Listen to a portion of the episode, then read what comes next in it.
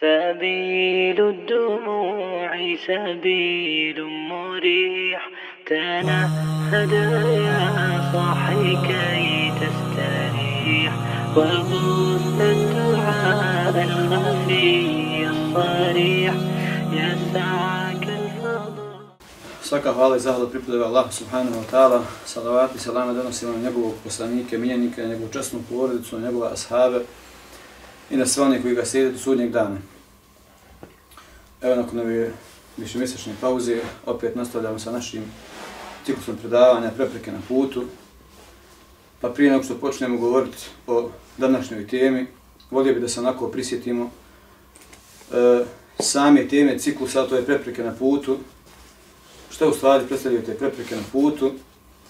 Pa kao što smo u početku spomenuli, tako to su stvari prepreke koje stoje na putu čovjekovog srca kao Allahu Đelešanu.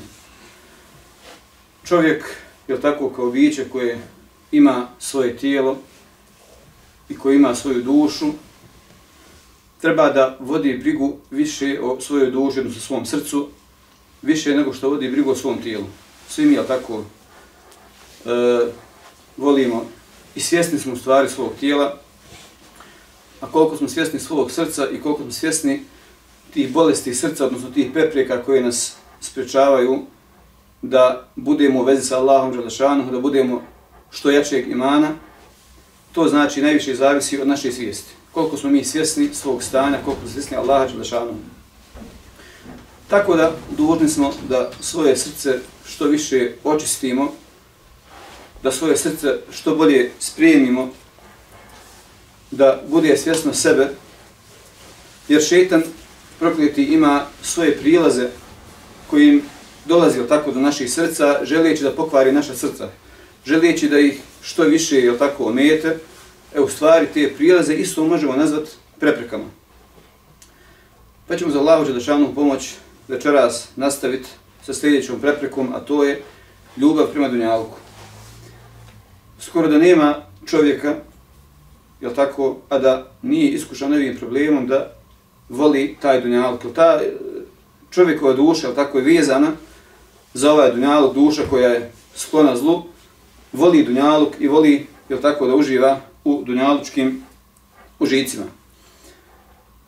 O dunjaluku Allah Žedešanu nam govori na dosta, dosta mjesta u Kur'anu.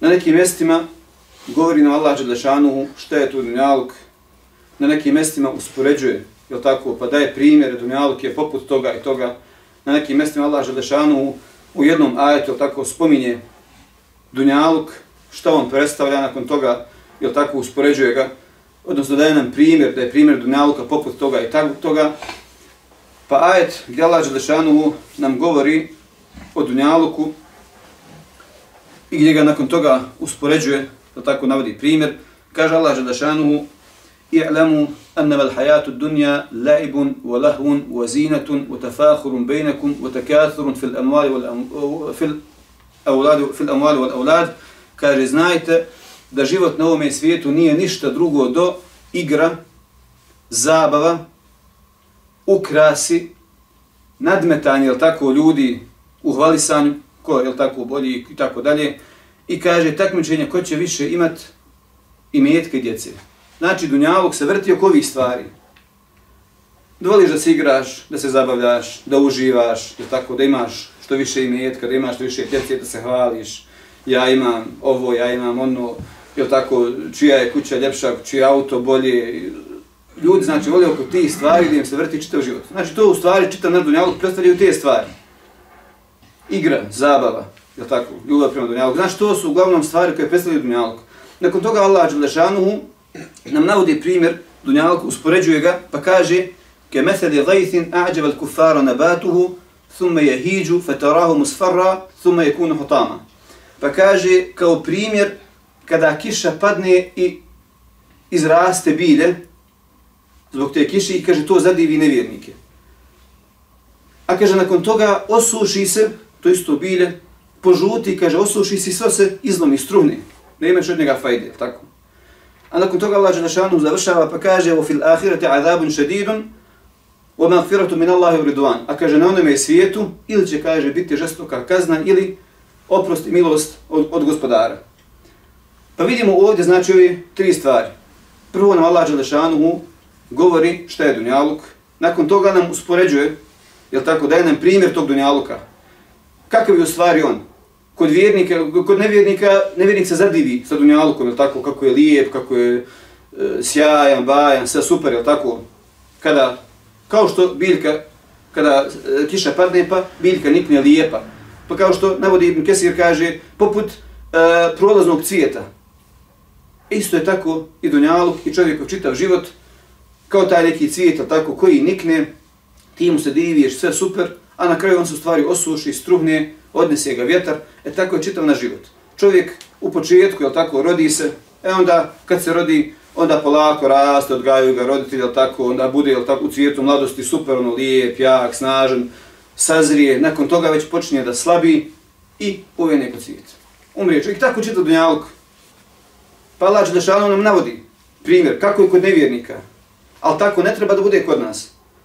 Nevjernice zadivje s tim, kako mi treba da shvatimo? Treba da ga shvatimo da je to nešto, evo ovako prođe. Danas smo živi, sutra nas već nema. Mijenjamo se, tako danas jedni umiru, drugi se rađi i, i non stop je tako do sudnjeg dana. Tako da smo mi u stvari samo jedinke u, čitavom tom sistemu koji je Allah Želešanu stvorio. Mi smo se rodili, umrijet ćemo, dolaze neki novi koji za nas neće ni znati. E takav je Dunjaluk. Obzirom da je takav Dunjaluk, šta je na nama? Na nama je, braćo, da se sprijemimo za onaj svijet. Dunjaluk je samo igra i zabava, ostavimo to. To će proći i nestati. To će sve do uvehne, da se sasuši i da ga vetro odnese. Ne postoji više. Ali ono, čime Allah Đelešanu završava ajet, pa šta kaže? Pa kaže o fil ahirati, adabun šedidun, au magfiratu min Allahi u ridvana. Kaže, na onome svijetu ili ti je kazna, žestoka, ili je, kaže, oprost od tvoga gospodara i njegovo zadovoljstvo. Pa da nam je sad da biramo, tako?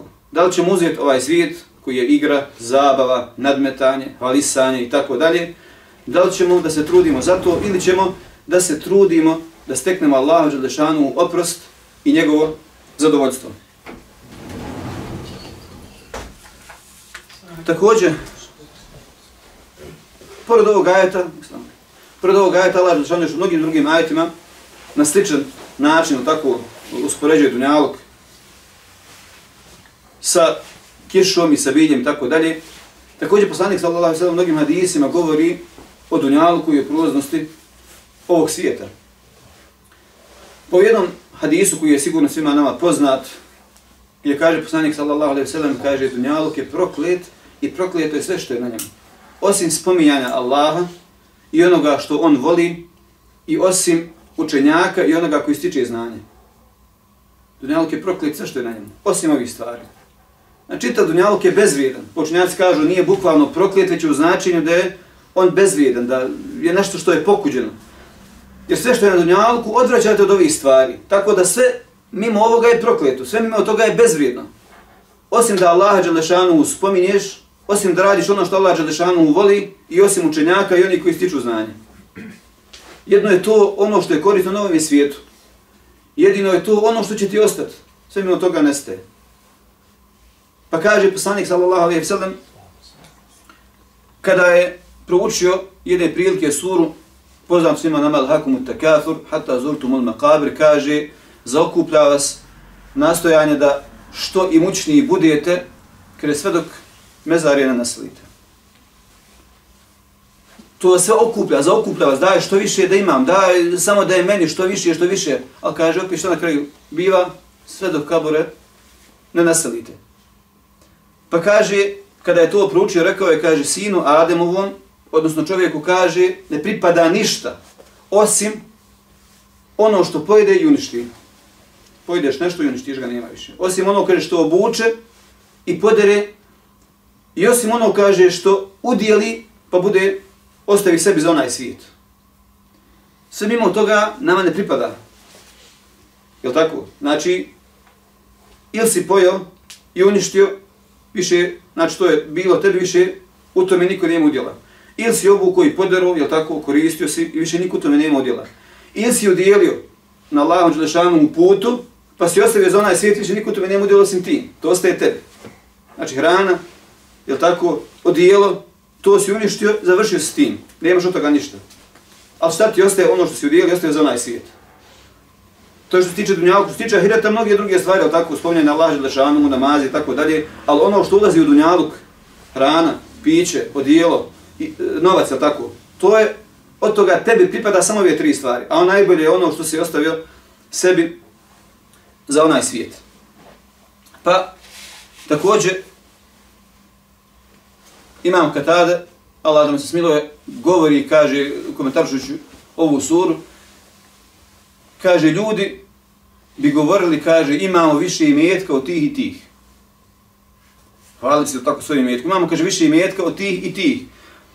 A kaže, nisu ni primjećivali, kaže, da bi svaki dan neko od njih umro, još on onaj svijet. I kaže, tako su govorili, kaže, sve dok, i poslije ljudi, kaže, nije još na onaj svijet, sve dok, dok svi nisu umrli. I šta od toga ima? Znači, danas je govorili, znači, mi, mi imamo više imetka od tih i tih, ko što recimo danas, tako, mi imamo ljepše auto, imamo jače auto, imamo E, ljepšu kuću na bolje mjesto i tako dalje. I kaže, nisu ni primjećivali da svaki dan neko od njih umre.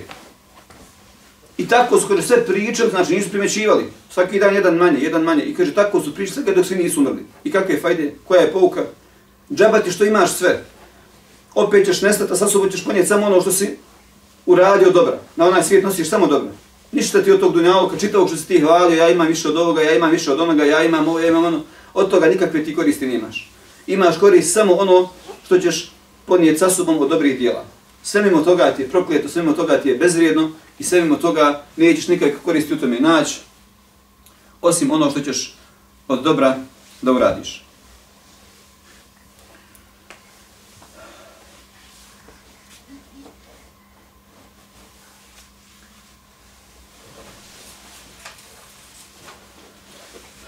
Dobro, kada je u pitanju, znači još ćemo navesti samo jedan primjer u ovom uvodu, pa ćemo e, nakon toga prijeći na dio koji se tiče znači uzroka ljubav prema dunjaluku, posljedice toga, liječenja toga i tako dalje.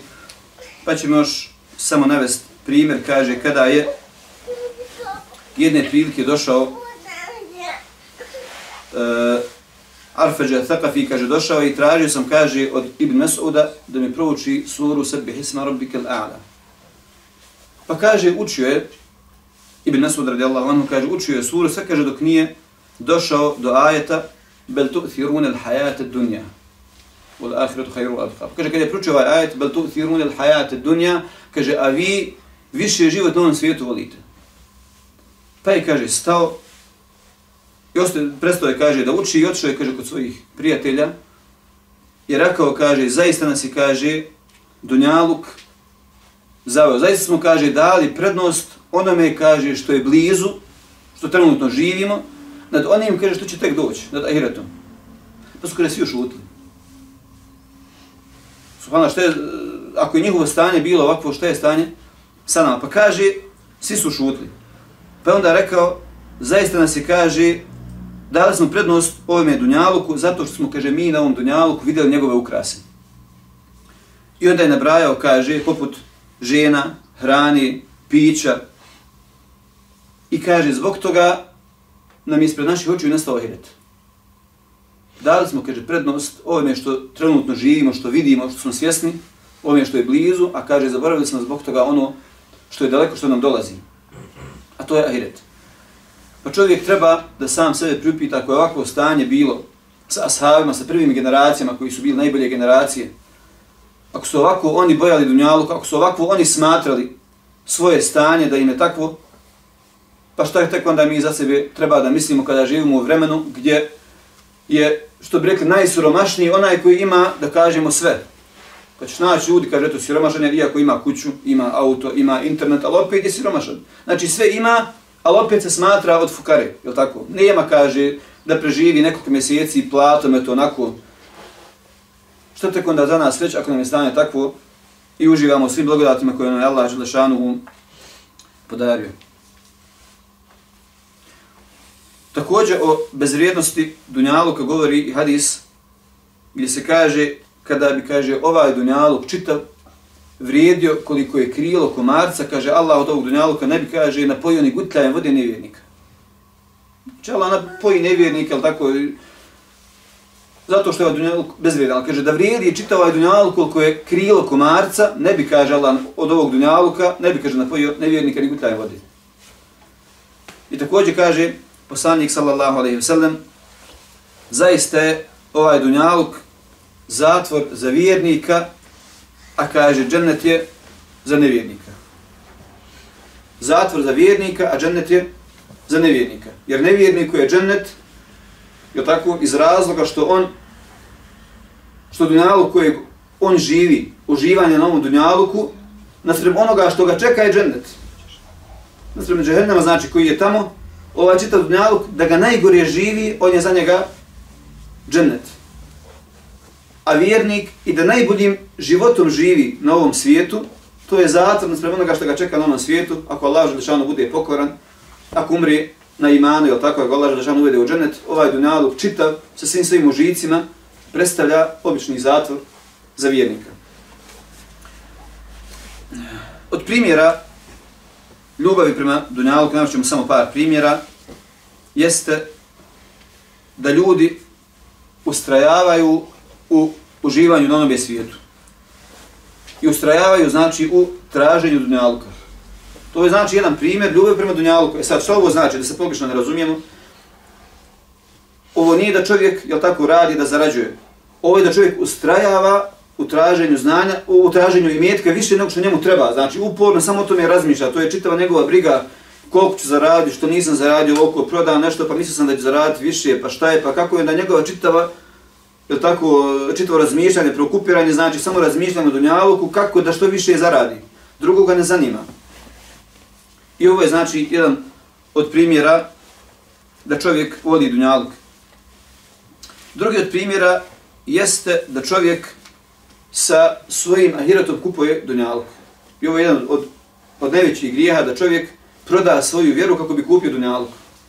I ako čovjek od sebe nađe da on nešto od svoje vjere proda kako bi stekao dunjaluk, bilo da se radi znači u pretvaranju pred nekim kako bi stekao neku dunjalučku korist, da radi neko dobro djelo, ili tako kako bi samo neku dunjalučku korist stekao, bilo da se e, radi o materijalnom, da se radi o dunjalučku koristi u smislu da ga neko hvali, da ga neko tako e, uzdiže, i da dobra djela radi zbog toga, to je jedan od najvećih grijeha. A sve vam je dobro poznat hadis da će trojica kojima će džennem biti potpaljen, ili tako onaj koji se borio na Allahovom putu, pa kad dođe na sud dan Allah ga pita zbog čega se bore, kaže u tvoje ime gospodar, kaže lažiš, borio se samo da ljudi kažu kako si ti hrabar.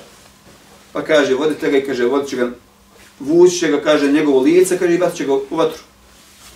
Je tako? Pa će kaže doći sa čovjekom koji je učio Kur'an, i koji je podučavao drugi Kur'anu, pa će ga pitati Allah Želešanu zbog čega to radi, kaže, radio sam na tebe, o gospodar, kaže, lažiš, kaže, radi to kako bi ljudi rekli da si učenik, kako bi ljudi, ljudi rekli kako si ti učač, pa će kaže njega isto na lice, povući i kaže, bacit će ga u džene, pa će kada doći trećim koji je udjeljivao odakle, pa će ga pitat zbog čega se udjeljivao, kaže gospodaru, samo radi tebe, kaže, lažiješ, udjeljivao se kako bi ljudi rekli kako si ti plemenit, kako si ti da reži, da tako udjeljuješ i kaže, ljudi su rekli, i vodite ga, kaže, pa će biti on bačan u džehennemsku vatru.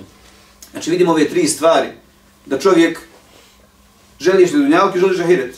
Želiš dunjaluk, eto ti, stekao si nagradu, dunjalučku, ljudi su rekli što, što si htio da kažeš, ako sa ahiretom htio, sa dobrim djelima htio si, ili ugled, ili si htio e, neku materijalnu korist, novac ili nešto, znači to si na dunjaluku dobio na ahiretu, više nemaš ništa.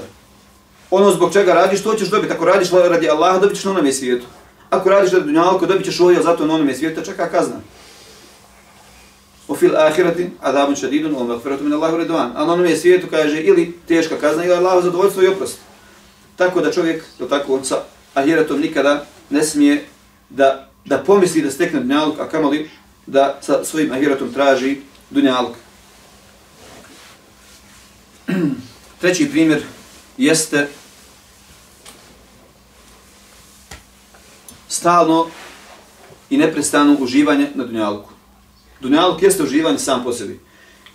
I čovjek, dozvoljeno tako čovjeku da se nekad odmori, dozvoljeno čovjeku da koristi dunjalučke blagodati, međutim da neko bude preokupiran samo uživanjem na dunjaluku, da ga samo to zanima, i onda više ne gleda sredstva, tako ne bira sredstva kako će on doći, jednostavno preokupacije njemu samo da uživa na dunjaluku. I onaj kod sebe, ko to nađe, to je jasan znak da takav čovjek voli dunjaluk i da je takav čovjek na putu da upropasti sebe i svoja dobra djela. I četvrta stvar koja predstavlja ljubav prema dunjaluku jeste ljubav prema imetku, ljubav prema ugledu i popularnosti, a ovo je isto, znači primjer koji smo naveli, je dokaz i primjer i za ovu tačku, znači oni ljudi koji budu radili dobra djela samo da bi drugi za njih rekli, znači koji rade dobra djela zbog ovog svijeta, a ne zbog ahireta.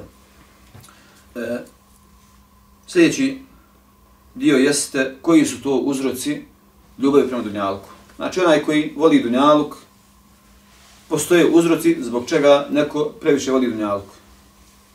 Pa prvi uzrok jeste ukrasi Dunjaluka i lijep izgled Dunjaluka. Znači sve ono što predstavlja, što predstavlja ukras Dunjaluka, sve znači Dunjalučke ljepote, bivaju uzrokom da čovjek voli dunjaluk. Pa Allah Žešanu kaže, al malu wal banuna zinetul hajati dunja, zaista su i metak i sinovi ukras na nove svijetu. tako da čovjek, ako zavoli dunjaluk, je tako prvi od razloga, jeste da ga zavoli zbog njegovih ukrasa, lijep dunjaluk, ljepote, priroda, i imetak, slast, uživanje, igre i tako dalje. Tako da čovjek dunjaluk zavoli zbog njegovih ljepota. Drugi, ra, e, drugi razlog jeste da čovjekova duša teži teži ka, ka dunjalku. Čovjekova duša voli dunjalk. Duša koja je sklona zlu. Pa recimo čovjekova duša, ako insan udjeli nešto, udjeli sadaku, e onda čovjekova duša koja voli taj dunjaluk, falio je nešto, znači uzeo sa ti duši nešto što ona voli e onda duša mora na neki način to sebi da nadoknadi. I onda čovjek, je tako, pokušava i počinje, je tako, da se hvali kako on udijelio, kako je on super svoj samo kako bi svoju dušu nahranio. Tako da onaj kod sebi nađe to da njegova duša žali taj dunjaluk koji, je tako, čovjek udijeli, to je znak da je čovjek zavolio ovaj svijet. Allah Želešanuhu kaže زين للناس حب الشهوات من النساء والبنين والقناطير المنقنطرة من الذهب والفضة والخيل المسومة والأنعام والحرث ذلك متاع الحياة الدنيا والله عنده حسن البآب kaže ljudima se čini da je lijepo samo ono za čim oni žude. Kaže žene, sinovi, gomilanja zlata i srebra u životu na ovom svijetu, a kaže zaista je najljepše mjesto povratka kod Allaha Želešanu. Jer ovdje Allah Želešanu ovom ajetu nam objašnjava da su ove stvari, ovi ukrasi, da je to nešto za čim duže žudi, ono što duša voli. Ali čovjek treba svojim imanom da pobjedi šeitana i da sve ovo se ne veže za njegovo srce. Već to što te Allah Želešanu dao, shvati kao blagodat. Allah je vam dao blagodat, koristite blagodati. Ali nemoj dozvoliti da taj dunjaluk uđe u tvoje srce, da se dunjaluk veže za to. Da se tvoje srce veže za dunjaluk. Jer ako se tvoje srce veže za dunjaluk, onda više tvoje srce ne može da se veže za Allah Želešanu. Jer srce kad voli, onda voli, najviše voli jednu stvar i onda ta stvar ga zaokupira da voli nešto drugo. I onda čovjek koji zavoli dunjaluk, teško da će onda moći uz to da voli dobra djela.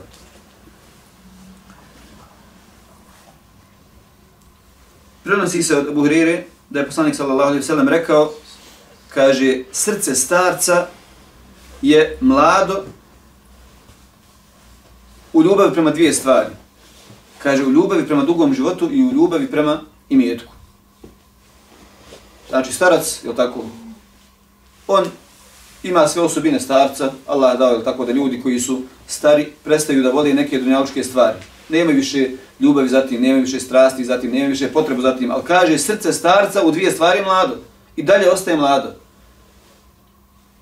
U ljubavi za životom i u ljubavi za imetkom. Džab možda tako prestaje da voli žene, prestaje da voli imetak, e, prestaje da voli e, auta, tako prestaje da voli neke stvari, tako, koje predstavljaju dunjalu, predstavljaju možda da voli igru i zabavu i tako dalje, ali ne može da prestane da voli dunjalu i ne može da prestane da voli da što duže živi. Također kaže poslanik sallallahu alejhi ve sellem kada bi sin Ademov imao kaže dvije doline i metka, kaže poželio bi da ima i treću dolinu. Kaže, ali njegovu utrobu neće napuniti ništa, kaže, osim zemlje. Allah će, kaže, primiti pokajanje od onoga ko se pokaje. Subhanallah, znači čovjek koliko god, koliko god da teži, koliko god znači da ima, volio bi da ima još. U drugom rivaju se kaže, kada bi čovjek imao jednu dolinu zlata, pa kaže, poželio bi da ima drugu. I kaže, njegova usta neće, kaže, napuniti ništa osim prašine. Tako da čovjek, njegova duša, sklona je tome da voli dunjaluk. Zato i nije braćo lahka ta borba sam sa sobom, tako. To je najteže da čovjek bori sam sa sobom. Jer duša koja je dio tebe, ona je sklona zlu. Ja tako? Allah žena tako čovjeka stvore da njegova duša teži ka zlu, teži ka voli dunjaluk, voli strast i tako dalje. Ali čovjek je dužan da se bori protiv svog nefsa, da se bori protiv svoje duše ona hoće zlo, ti želi dobro. Moraš se boriti protiv nje. I zato kad, kad, kad bi imao dolinu zlata, opet bi tvoje duše htjela još jednu dolinu. Malo insanu. Odnosno malo je toj duši. Zato čovjek treba da se bori, da stisne svoju dušu, da se bori protiv nje, da očisti tu svoju dušu i da on teži za onim što je kod Allaha Želešanu.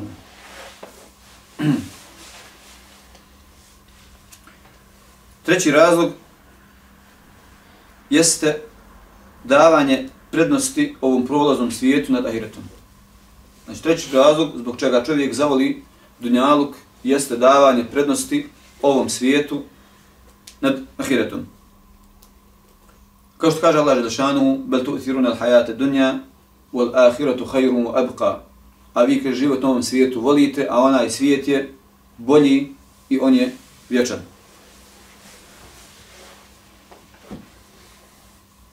Sljedeće što ćemo govoriti jeste o posljedicama, štetnim posljedicama, je tako, koje čovjek stiče sa svojom ljubavi prema Dunjaluku.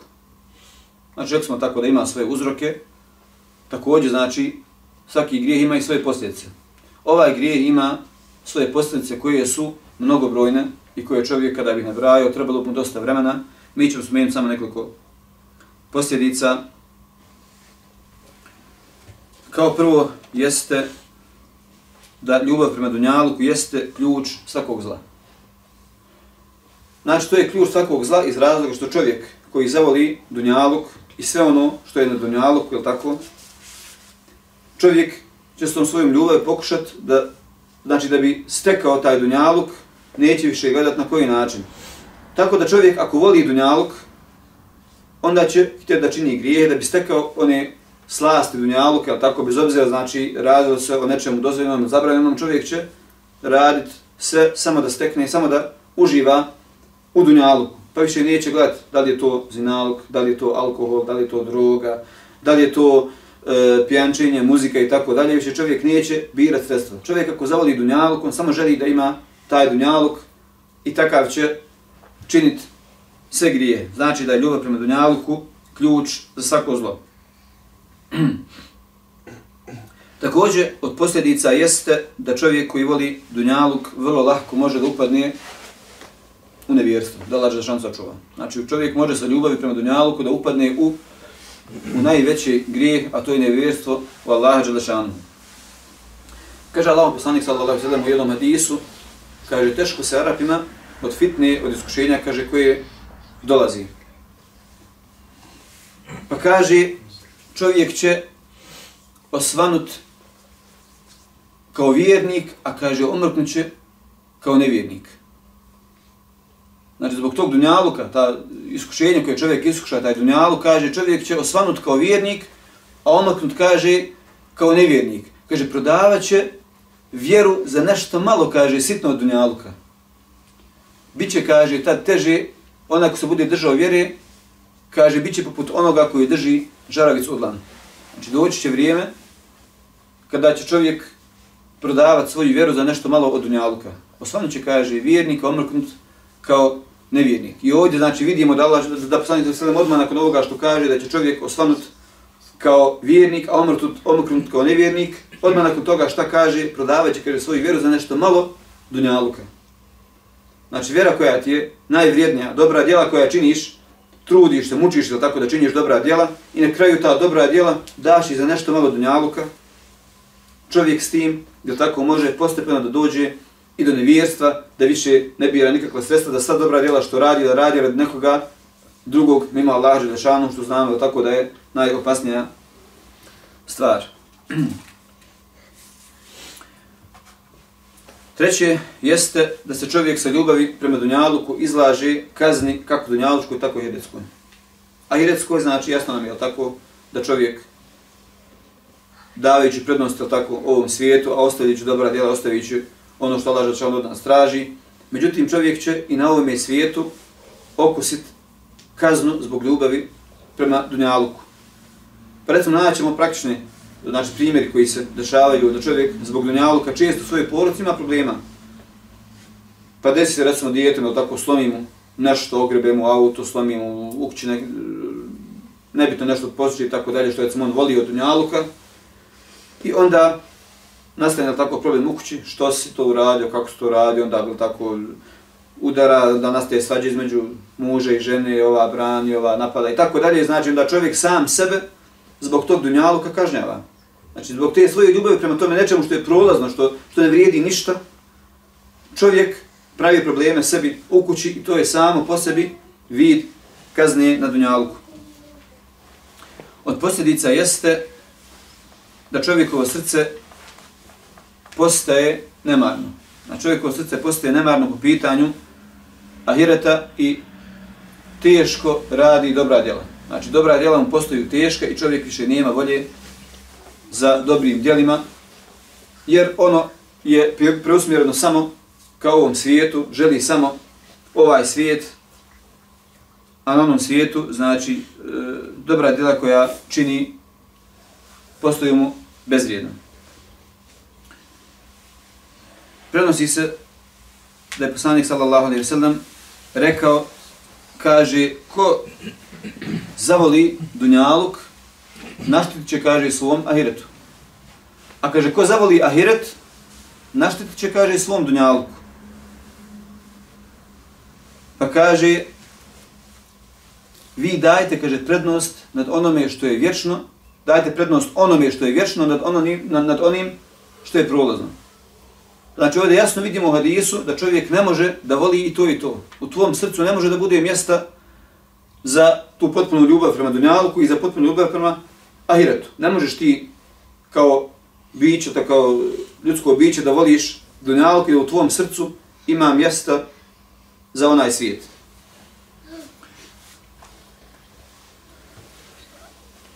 Kaže poslanik sallallahu alejhi ve sellem, kaže propao je rob dinara i dirhema, kaže propao je rob odjeće, pa kaže propao je i bolesti dopao. Do poslanik sa alejhi kaže propao i bolesti dopao.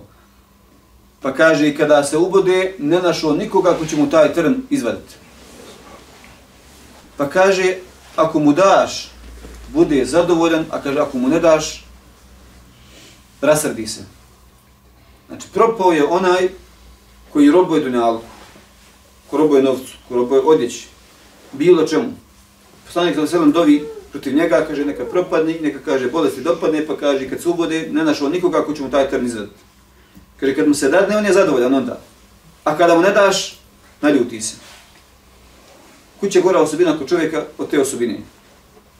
Znači, ako ima dunjalka, dobar je. Često bilo tako, nekad među nekim, da kažemo, prijateljima, iako nisu prijatelji, ali eto desi, tako da čovjek nekoga ima, koji, ako imaš čima tako da ga poguraš, ako dunjalučki si dobar, ako ima od tebe dunjalučku korist, super si ono, najbolji smo drug, sve s tobom nema. Eh, kad dođe vrijeme da ti više nemaš da daješ, e onda više mu nisi drug, više nisi dobar sa njim, ha? više nisi u raj, jer on ima ono što me preče od toga da laže dušanu, sačuva takve prijatelje.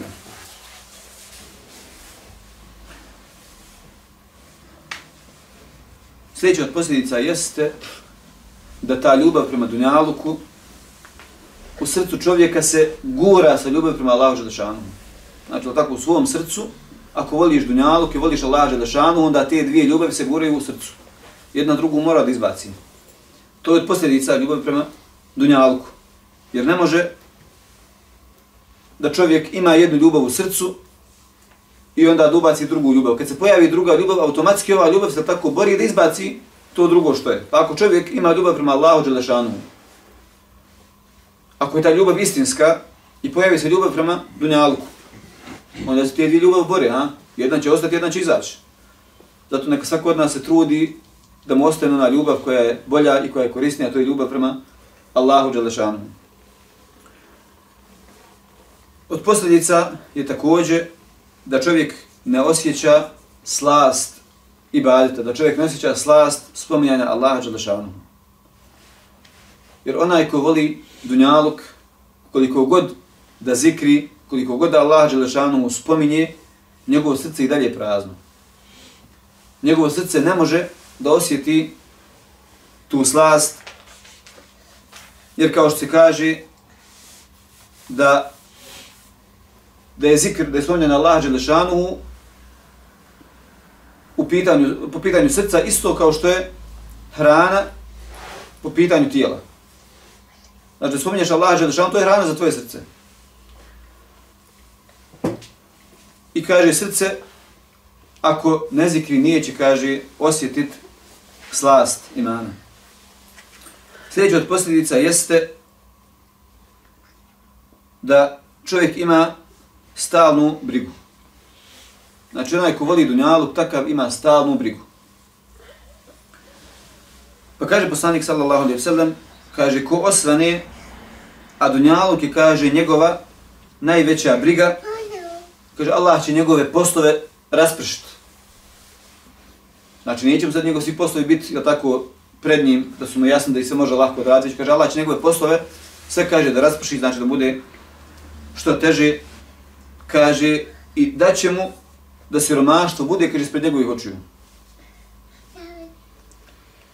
A kaže, od Dunjaluka mu neće doći osim onoga što me propisano. A kaže, ko osvane, a ahiret je njegova glavna briga, kaže, Allah Đelešanu, će sve te njegove poslove, kaže, skupit mu na jedno mjesto, znači Allah će mu lakšati sve njegove poslove. I kaže, Allah će mu dati bogatstvo u njegovoj duši i kaže Dunjaluk će mu doći, pa makar kaže nazor. Dunjaluk će mu znači doći. Ti se trudi da stekneš ono što je kod Allaha Želešanu. Nemoj se brinut ti da stekneš ovaj svijet. Jer poznate je tako svima primjer, kaže čovjek koji novi ljudi se znači kaže bore za nešto što im je garantovano, a ostavljaju kaže nešto što im nije garantovano. Boriš za dunjaluk, za nafako, kaže to ti je garantovano 100%, niko kaže neće, znači čovjek neće umrijeti dok se njegova nafaka ne ispuca sva, znači dok, dok ne potrošiš ono što je Allah žalno propisao, nećeš umrijeti sigurno. A dženet niko nije garantovao. I opet kaže čovjek se ne trudi za dženet, trudi za ono što mu je garantovano. Pa zato se kaže ovdje ko kad osvane glavna mu briga bude ahiret, Allah će mu dati, Allah će mu olakšati, jel tako, njegove sve poslove. I kaže, do dunjaluk ćemo mu doći, pa makar kaže na silu. Znači, doći do dunjaluk, ono što je propisano, to će doći. Zato se čovjek ne mora brinuti.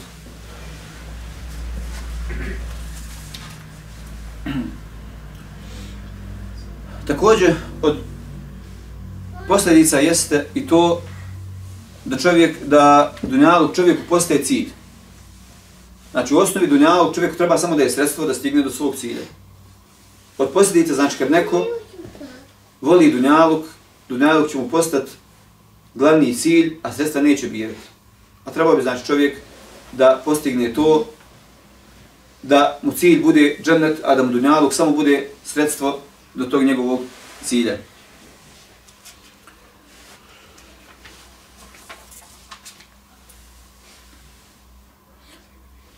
Spomenut ću još samo jednu stvar, a to jeste da posljedica, kada čovjek znači voli dunjalu, kao posljedicu toga naći će, e, da ga nazivamo tako suhi ibadet, tako. Znači naći čovjek tu neku suhoparnost, znači čovjek samo onako tijelom ibadeti, a njegovo srce je vezano za dunjavog, nije vezano za Allaha. Pa Ibn Džavzi rahmehullah spominje, kaže primjer ljubavi prema dunjaluku. Kaže primjer je isto E, primjer kaže ljubavi prema dunjalku i čovjek znači koji čini ibadet kaže poput onoga koji sije rižu. Znači znamo tako da se riža mora sijeti na vlažnom tlu, tako gdje močvari i tako dalje. Pa kaže, jednu kaže nogu podigne, drugu spusti i kaže nema tragova. Ti gazi po vodi koliko god hoćeš, tragova nema. I kaže, tako isto onaj čije srce, kaže, zauzeto ljubavi prema Dunjaluku, a kaže, svojim tijelom je zauzet ibadetom. Znači, njegovo srce nije vezano za Allaha, za ibadet. Njegovo srce je vamo za Dunjaluk vezano, a njegovo tijelo za ibadet. I kaže, vidiš ga da se on čitav život sa svojim tijelom približava Allahu, a kaže, sa svojim srcem se udaljava od Allaha Žadešanu. Da se Allah Žadešanu sačuva od onih koji će biti u ovakvom stanju. I za kraj ćemo samo spomenuti par tačaka kako da čovjek izliječi sebe od ove bolesti. Kao prvo, da čovjek bude svjestan štetnosti dunjaluka. Znači da čovjek bude svjestan kako je stvarno stanje dunjaluka. Šta je to stvar dunjaluk? Šta predstavlja dunjaluk? Ako je čovjek svjestan da je dunjaluk samo prolazno uživanje, ako je čovjek svjestan da ovaj dunjaluk je poput, je tako, e, bilja koje kiša padne, bilja nikne, nakon toga osuši se, vjetar godne se, to je dunjaluk. I onaj znači ko, je, ko želi da se izliječi od ovog problema, znači treba da prije svega bude svjestan dunjaluk, da bude svjestan šta predstavlja ovaj dunjaluk. Drugi način liječenja jeste da čovjek e, omalovaži ovaj dunjaluk. Da bude svjestan bezvrijednosti ovog dunjaluka, jer kao što kaže poslanik sallallahu alaihi sallam, ovaj hadisu koji smo spomenuli, tako da, kaže, kada bi dunjaluk bio vrijedan koliko je krilo komarca, kaže, Allah ne bi od dunjaluka napojio nevjednike ni gutlajem vodi. Znači, ovaj dunjaluk ne vrijedi ništa. I onda onaj koji želi da se bori, da se izleči protiv ove bolesti, treba da bude svjestan da je ovaj dunjaluk čitav, bezvrijedan, da je prolazan. Treći način jeste da čovjek bude svjestan da razmišlja o tome da ovaj dunjaluk će brzo proći, a da ahiret brzo dolazi. Kao što smo rekli, svako od nas, tako, rodi se, živi kratko, umrije i nestaje. Znači, dolazi onaj svijet. E tako, znači, čovjek treba da je svjestan da ovaj dunjaluk brzo prolazi, a da će onaj svijet i tekako dođe, da niko to ne može izbjeći i da nikoga neće zaobići niti smrt, niti zagreb, ni život, niti sudnji dan. Tako da onaj koji je svjestan toga, sigurno će svoj dunjaluk sigurno će, znači neće u svom srcu dozvoliti dunjalku da uđe u njegovo srce. Treći način liječenja jeste da čovjek bude zadovoljan sa malo. Znači, ako osjetiš u svom srcu da dunjaluk ulazi u njega, da voliš dunjalučke ljepote, sjeti se ljudi koji nemaju dunjaluka ni blizu koliko imaš ti kao što kaže poslanik sallam, znači gledajte, kaže, oni koji su ispod vas. Znači ovo pitanje dunjaluka, ovo pitanje ahireta ne, ovo pitanje ahireta gledaj one koji su iznad tebe. Koji su bolji od tebe, njih gledaj, nemoj se ugledati na one slabije. Ali u pitanju dunjaluka gledajte one koji su ispod vas. Tako da čovjek kada e, vidi kako je stanje mnogih ljudi, posebno tako u Africi, tek sam neki dan su mama shvatio, vidio se jednim čovjekom Kovajčanom, koji je se često družio sa poznatim dajom, Abrahmanom Smetom, Allah da se smiluje, koji preko, čijim je sebom prešao na islam preko 11 miliona ljudi u Africi. I nakon kroz priču sa njim, shvatio sam Subhanallah stvarno stanje, i onda čovjek govori, kada navodi primjere, kaže Subhanallah, koliko su, kaže, onaj sreo jetima, kaže, koji, čiji kaže, majke ili otac, kaže, umrli od gladi. Jetim, kaže, ali nije jetim što mu neko ubio oca ili majku, kaže, umro mu otac ili majka, kaže, umrla od gladi. I onda čovjek kada ovakve primjere svati kad vidi subhanallah kako je stanje, čovjek treba da bude zadovoljan sa malo. Allah Đelšanu ti je dao da možeš da imaš odjeću, da pokriješ svoje stidno mjesto. Znači ne samo da pokriješ, da, da uzmiješ nešto tako što je u odnosu na mnoge ljude nešto super, je tako, kvalitetno, dobro, lijepo i tako dalje. No, no, mnogi ljudi nemaju dva odijela da ih promijene. Već ima jedno i nosi ga, a to smo mi sigurno svi čuli od naših starih ljudi koji su se zadovoljili tako sa jednim, eventualno sa dva odijela, jedno dijelo je tako imao da ide u džami, da ide u grad, a drugo je bilo za sve ostalo mimo toga.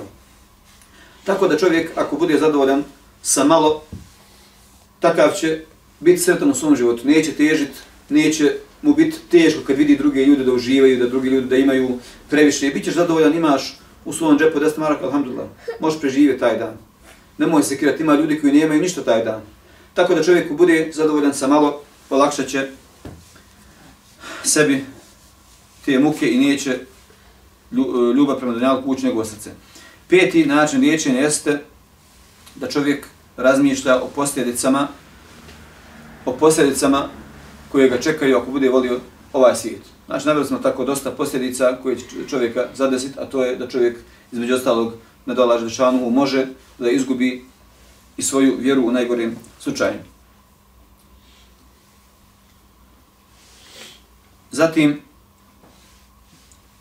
da se čovjek trudi da postigne sve sebe, znači sve uzroke koji će učiniti ili koji će dati slast imana u njegovom srcu. Slast spominjanja Allaha Đelešanu. Znači, potrudi se, potrudi se da osjetiš slast imana, potrudi se da osjetiš slast učenja Kur'ana, slast spominjanja Allaha Želešanu uopšteno. Čitaj o priješnjim generacijama kako su oni doživljavali učenje Kur'ana. Čitaj, e, kada čitaš Kur'an, čitaj ga s razmišljanjem. Jer Allah Đelešanu je nama dao Kur'an i to samo nama je dao Kur'an, subhanallah, ko razmisli o Kur'anu, kao blagodati, vidjet će da je to najveća blagodat koja Allah Želešanu dao bilo kojem umetu. Znači, mi smo umet kojem je Allah Želešanu dao Kur'an i to nikome prije nas nije dao, to je najveća blagodat. Čovjek sa Kur'anom može da postigne dobra i dobra. Čovjek sa Kur'anom može tako da sa, sa svakim harfom da, sti, da stiče dobra djela. Čovjek sa praktikovanjem Kur'ana može da sa Allah Želešanu približi da bude sretan na ovom i na onom svijetu čovjek sa razmišljanjem o Kur'anu može dosjeti tu slast imana. Nismo mi mu fesiri, jel tako? Ali jesmo, Allah žal nam je dao da mi možemo da razmišljamo o Kur'anu, da razmišljamo o kur'anskim poukama, da razmišlja što god Allah šano da spomeni razmišljaj o tome. Kao što je radi Allah, ono i mnogi, ashabi, tako? Čitavu noć bi kaže, uči samo prove čitavu noć, plako kaže, uči i samo ponavlja jedan tisti ajet. Jedan tisti ajet. Toliko ga dirne taj ajet koji ga govori o sudnjem danu, kaznama i tako dalje, kaže, čitavu noć bi plakao i čitavu noć bi ponavlja jedan tisti ajet. Na takav način čovjek ko bude prišao Kur'anu, takav će sigurno osjetiti slast učenja Kur'ana, osjetit će slast imana. Također, čovjek da bi sebe izliječio, treba da se često prisjeća, jel tako, dženeckih blagodati. Sjeti se ono što te tamo čeka. Usporedi dunjalučke blagodati sa ahiretskim blagodatima usporedi ovo prolazno što traje, jel tako, da kažem, neka traje i 100 godina, a rijetko koji živi 100 godina, opet, kada razmisliš o dužini ahireta, to je vječnost, čovjek, ako na takav način bude razmišljao, sigurno je da će ostaviti ovaj dunjalk, ljubav prema dunjalku, a da će se posvijetiti onome svijetu. Postoji još mnogo načina liječenja, međutim, da ne bi odužili, s ovim ćemo se zadovoljiti. Molim Allah Želešanu da u naša srca unese ljubav prema onom svijetu, a da izbaci ljubav prema dunjaluku.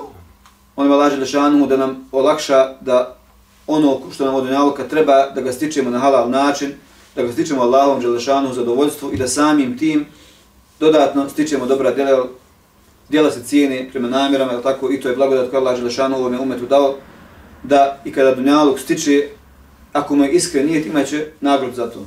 Znači, dvojica jedan stiče dunjaluk, drugi stiče dunjaluk, Allah Đelešanu jednom daje nagradu, drugom daje kaznu, ovaj ga stiče da bi prehranio svoju porodicu, da bi ojačao sebe i tako dalje. I zato ima nagradu, ovaj drugi stiče dunjaluk kako bi činio grije. Pa molim Allah Želešanu da nas učini od onih koji će iskoristiti ovaj dunjaluk kao sredstvo da dođe do cilja, a to je džennet nas Allah Želešanu, džennet sakupi kao što je ovdje sakupio, a naša zadnja doved neka hvala Allah, gospodara svjetova, neka salava celam njegovog poslanika.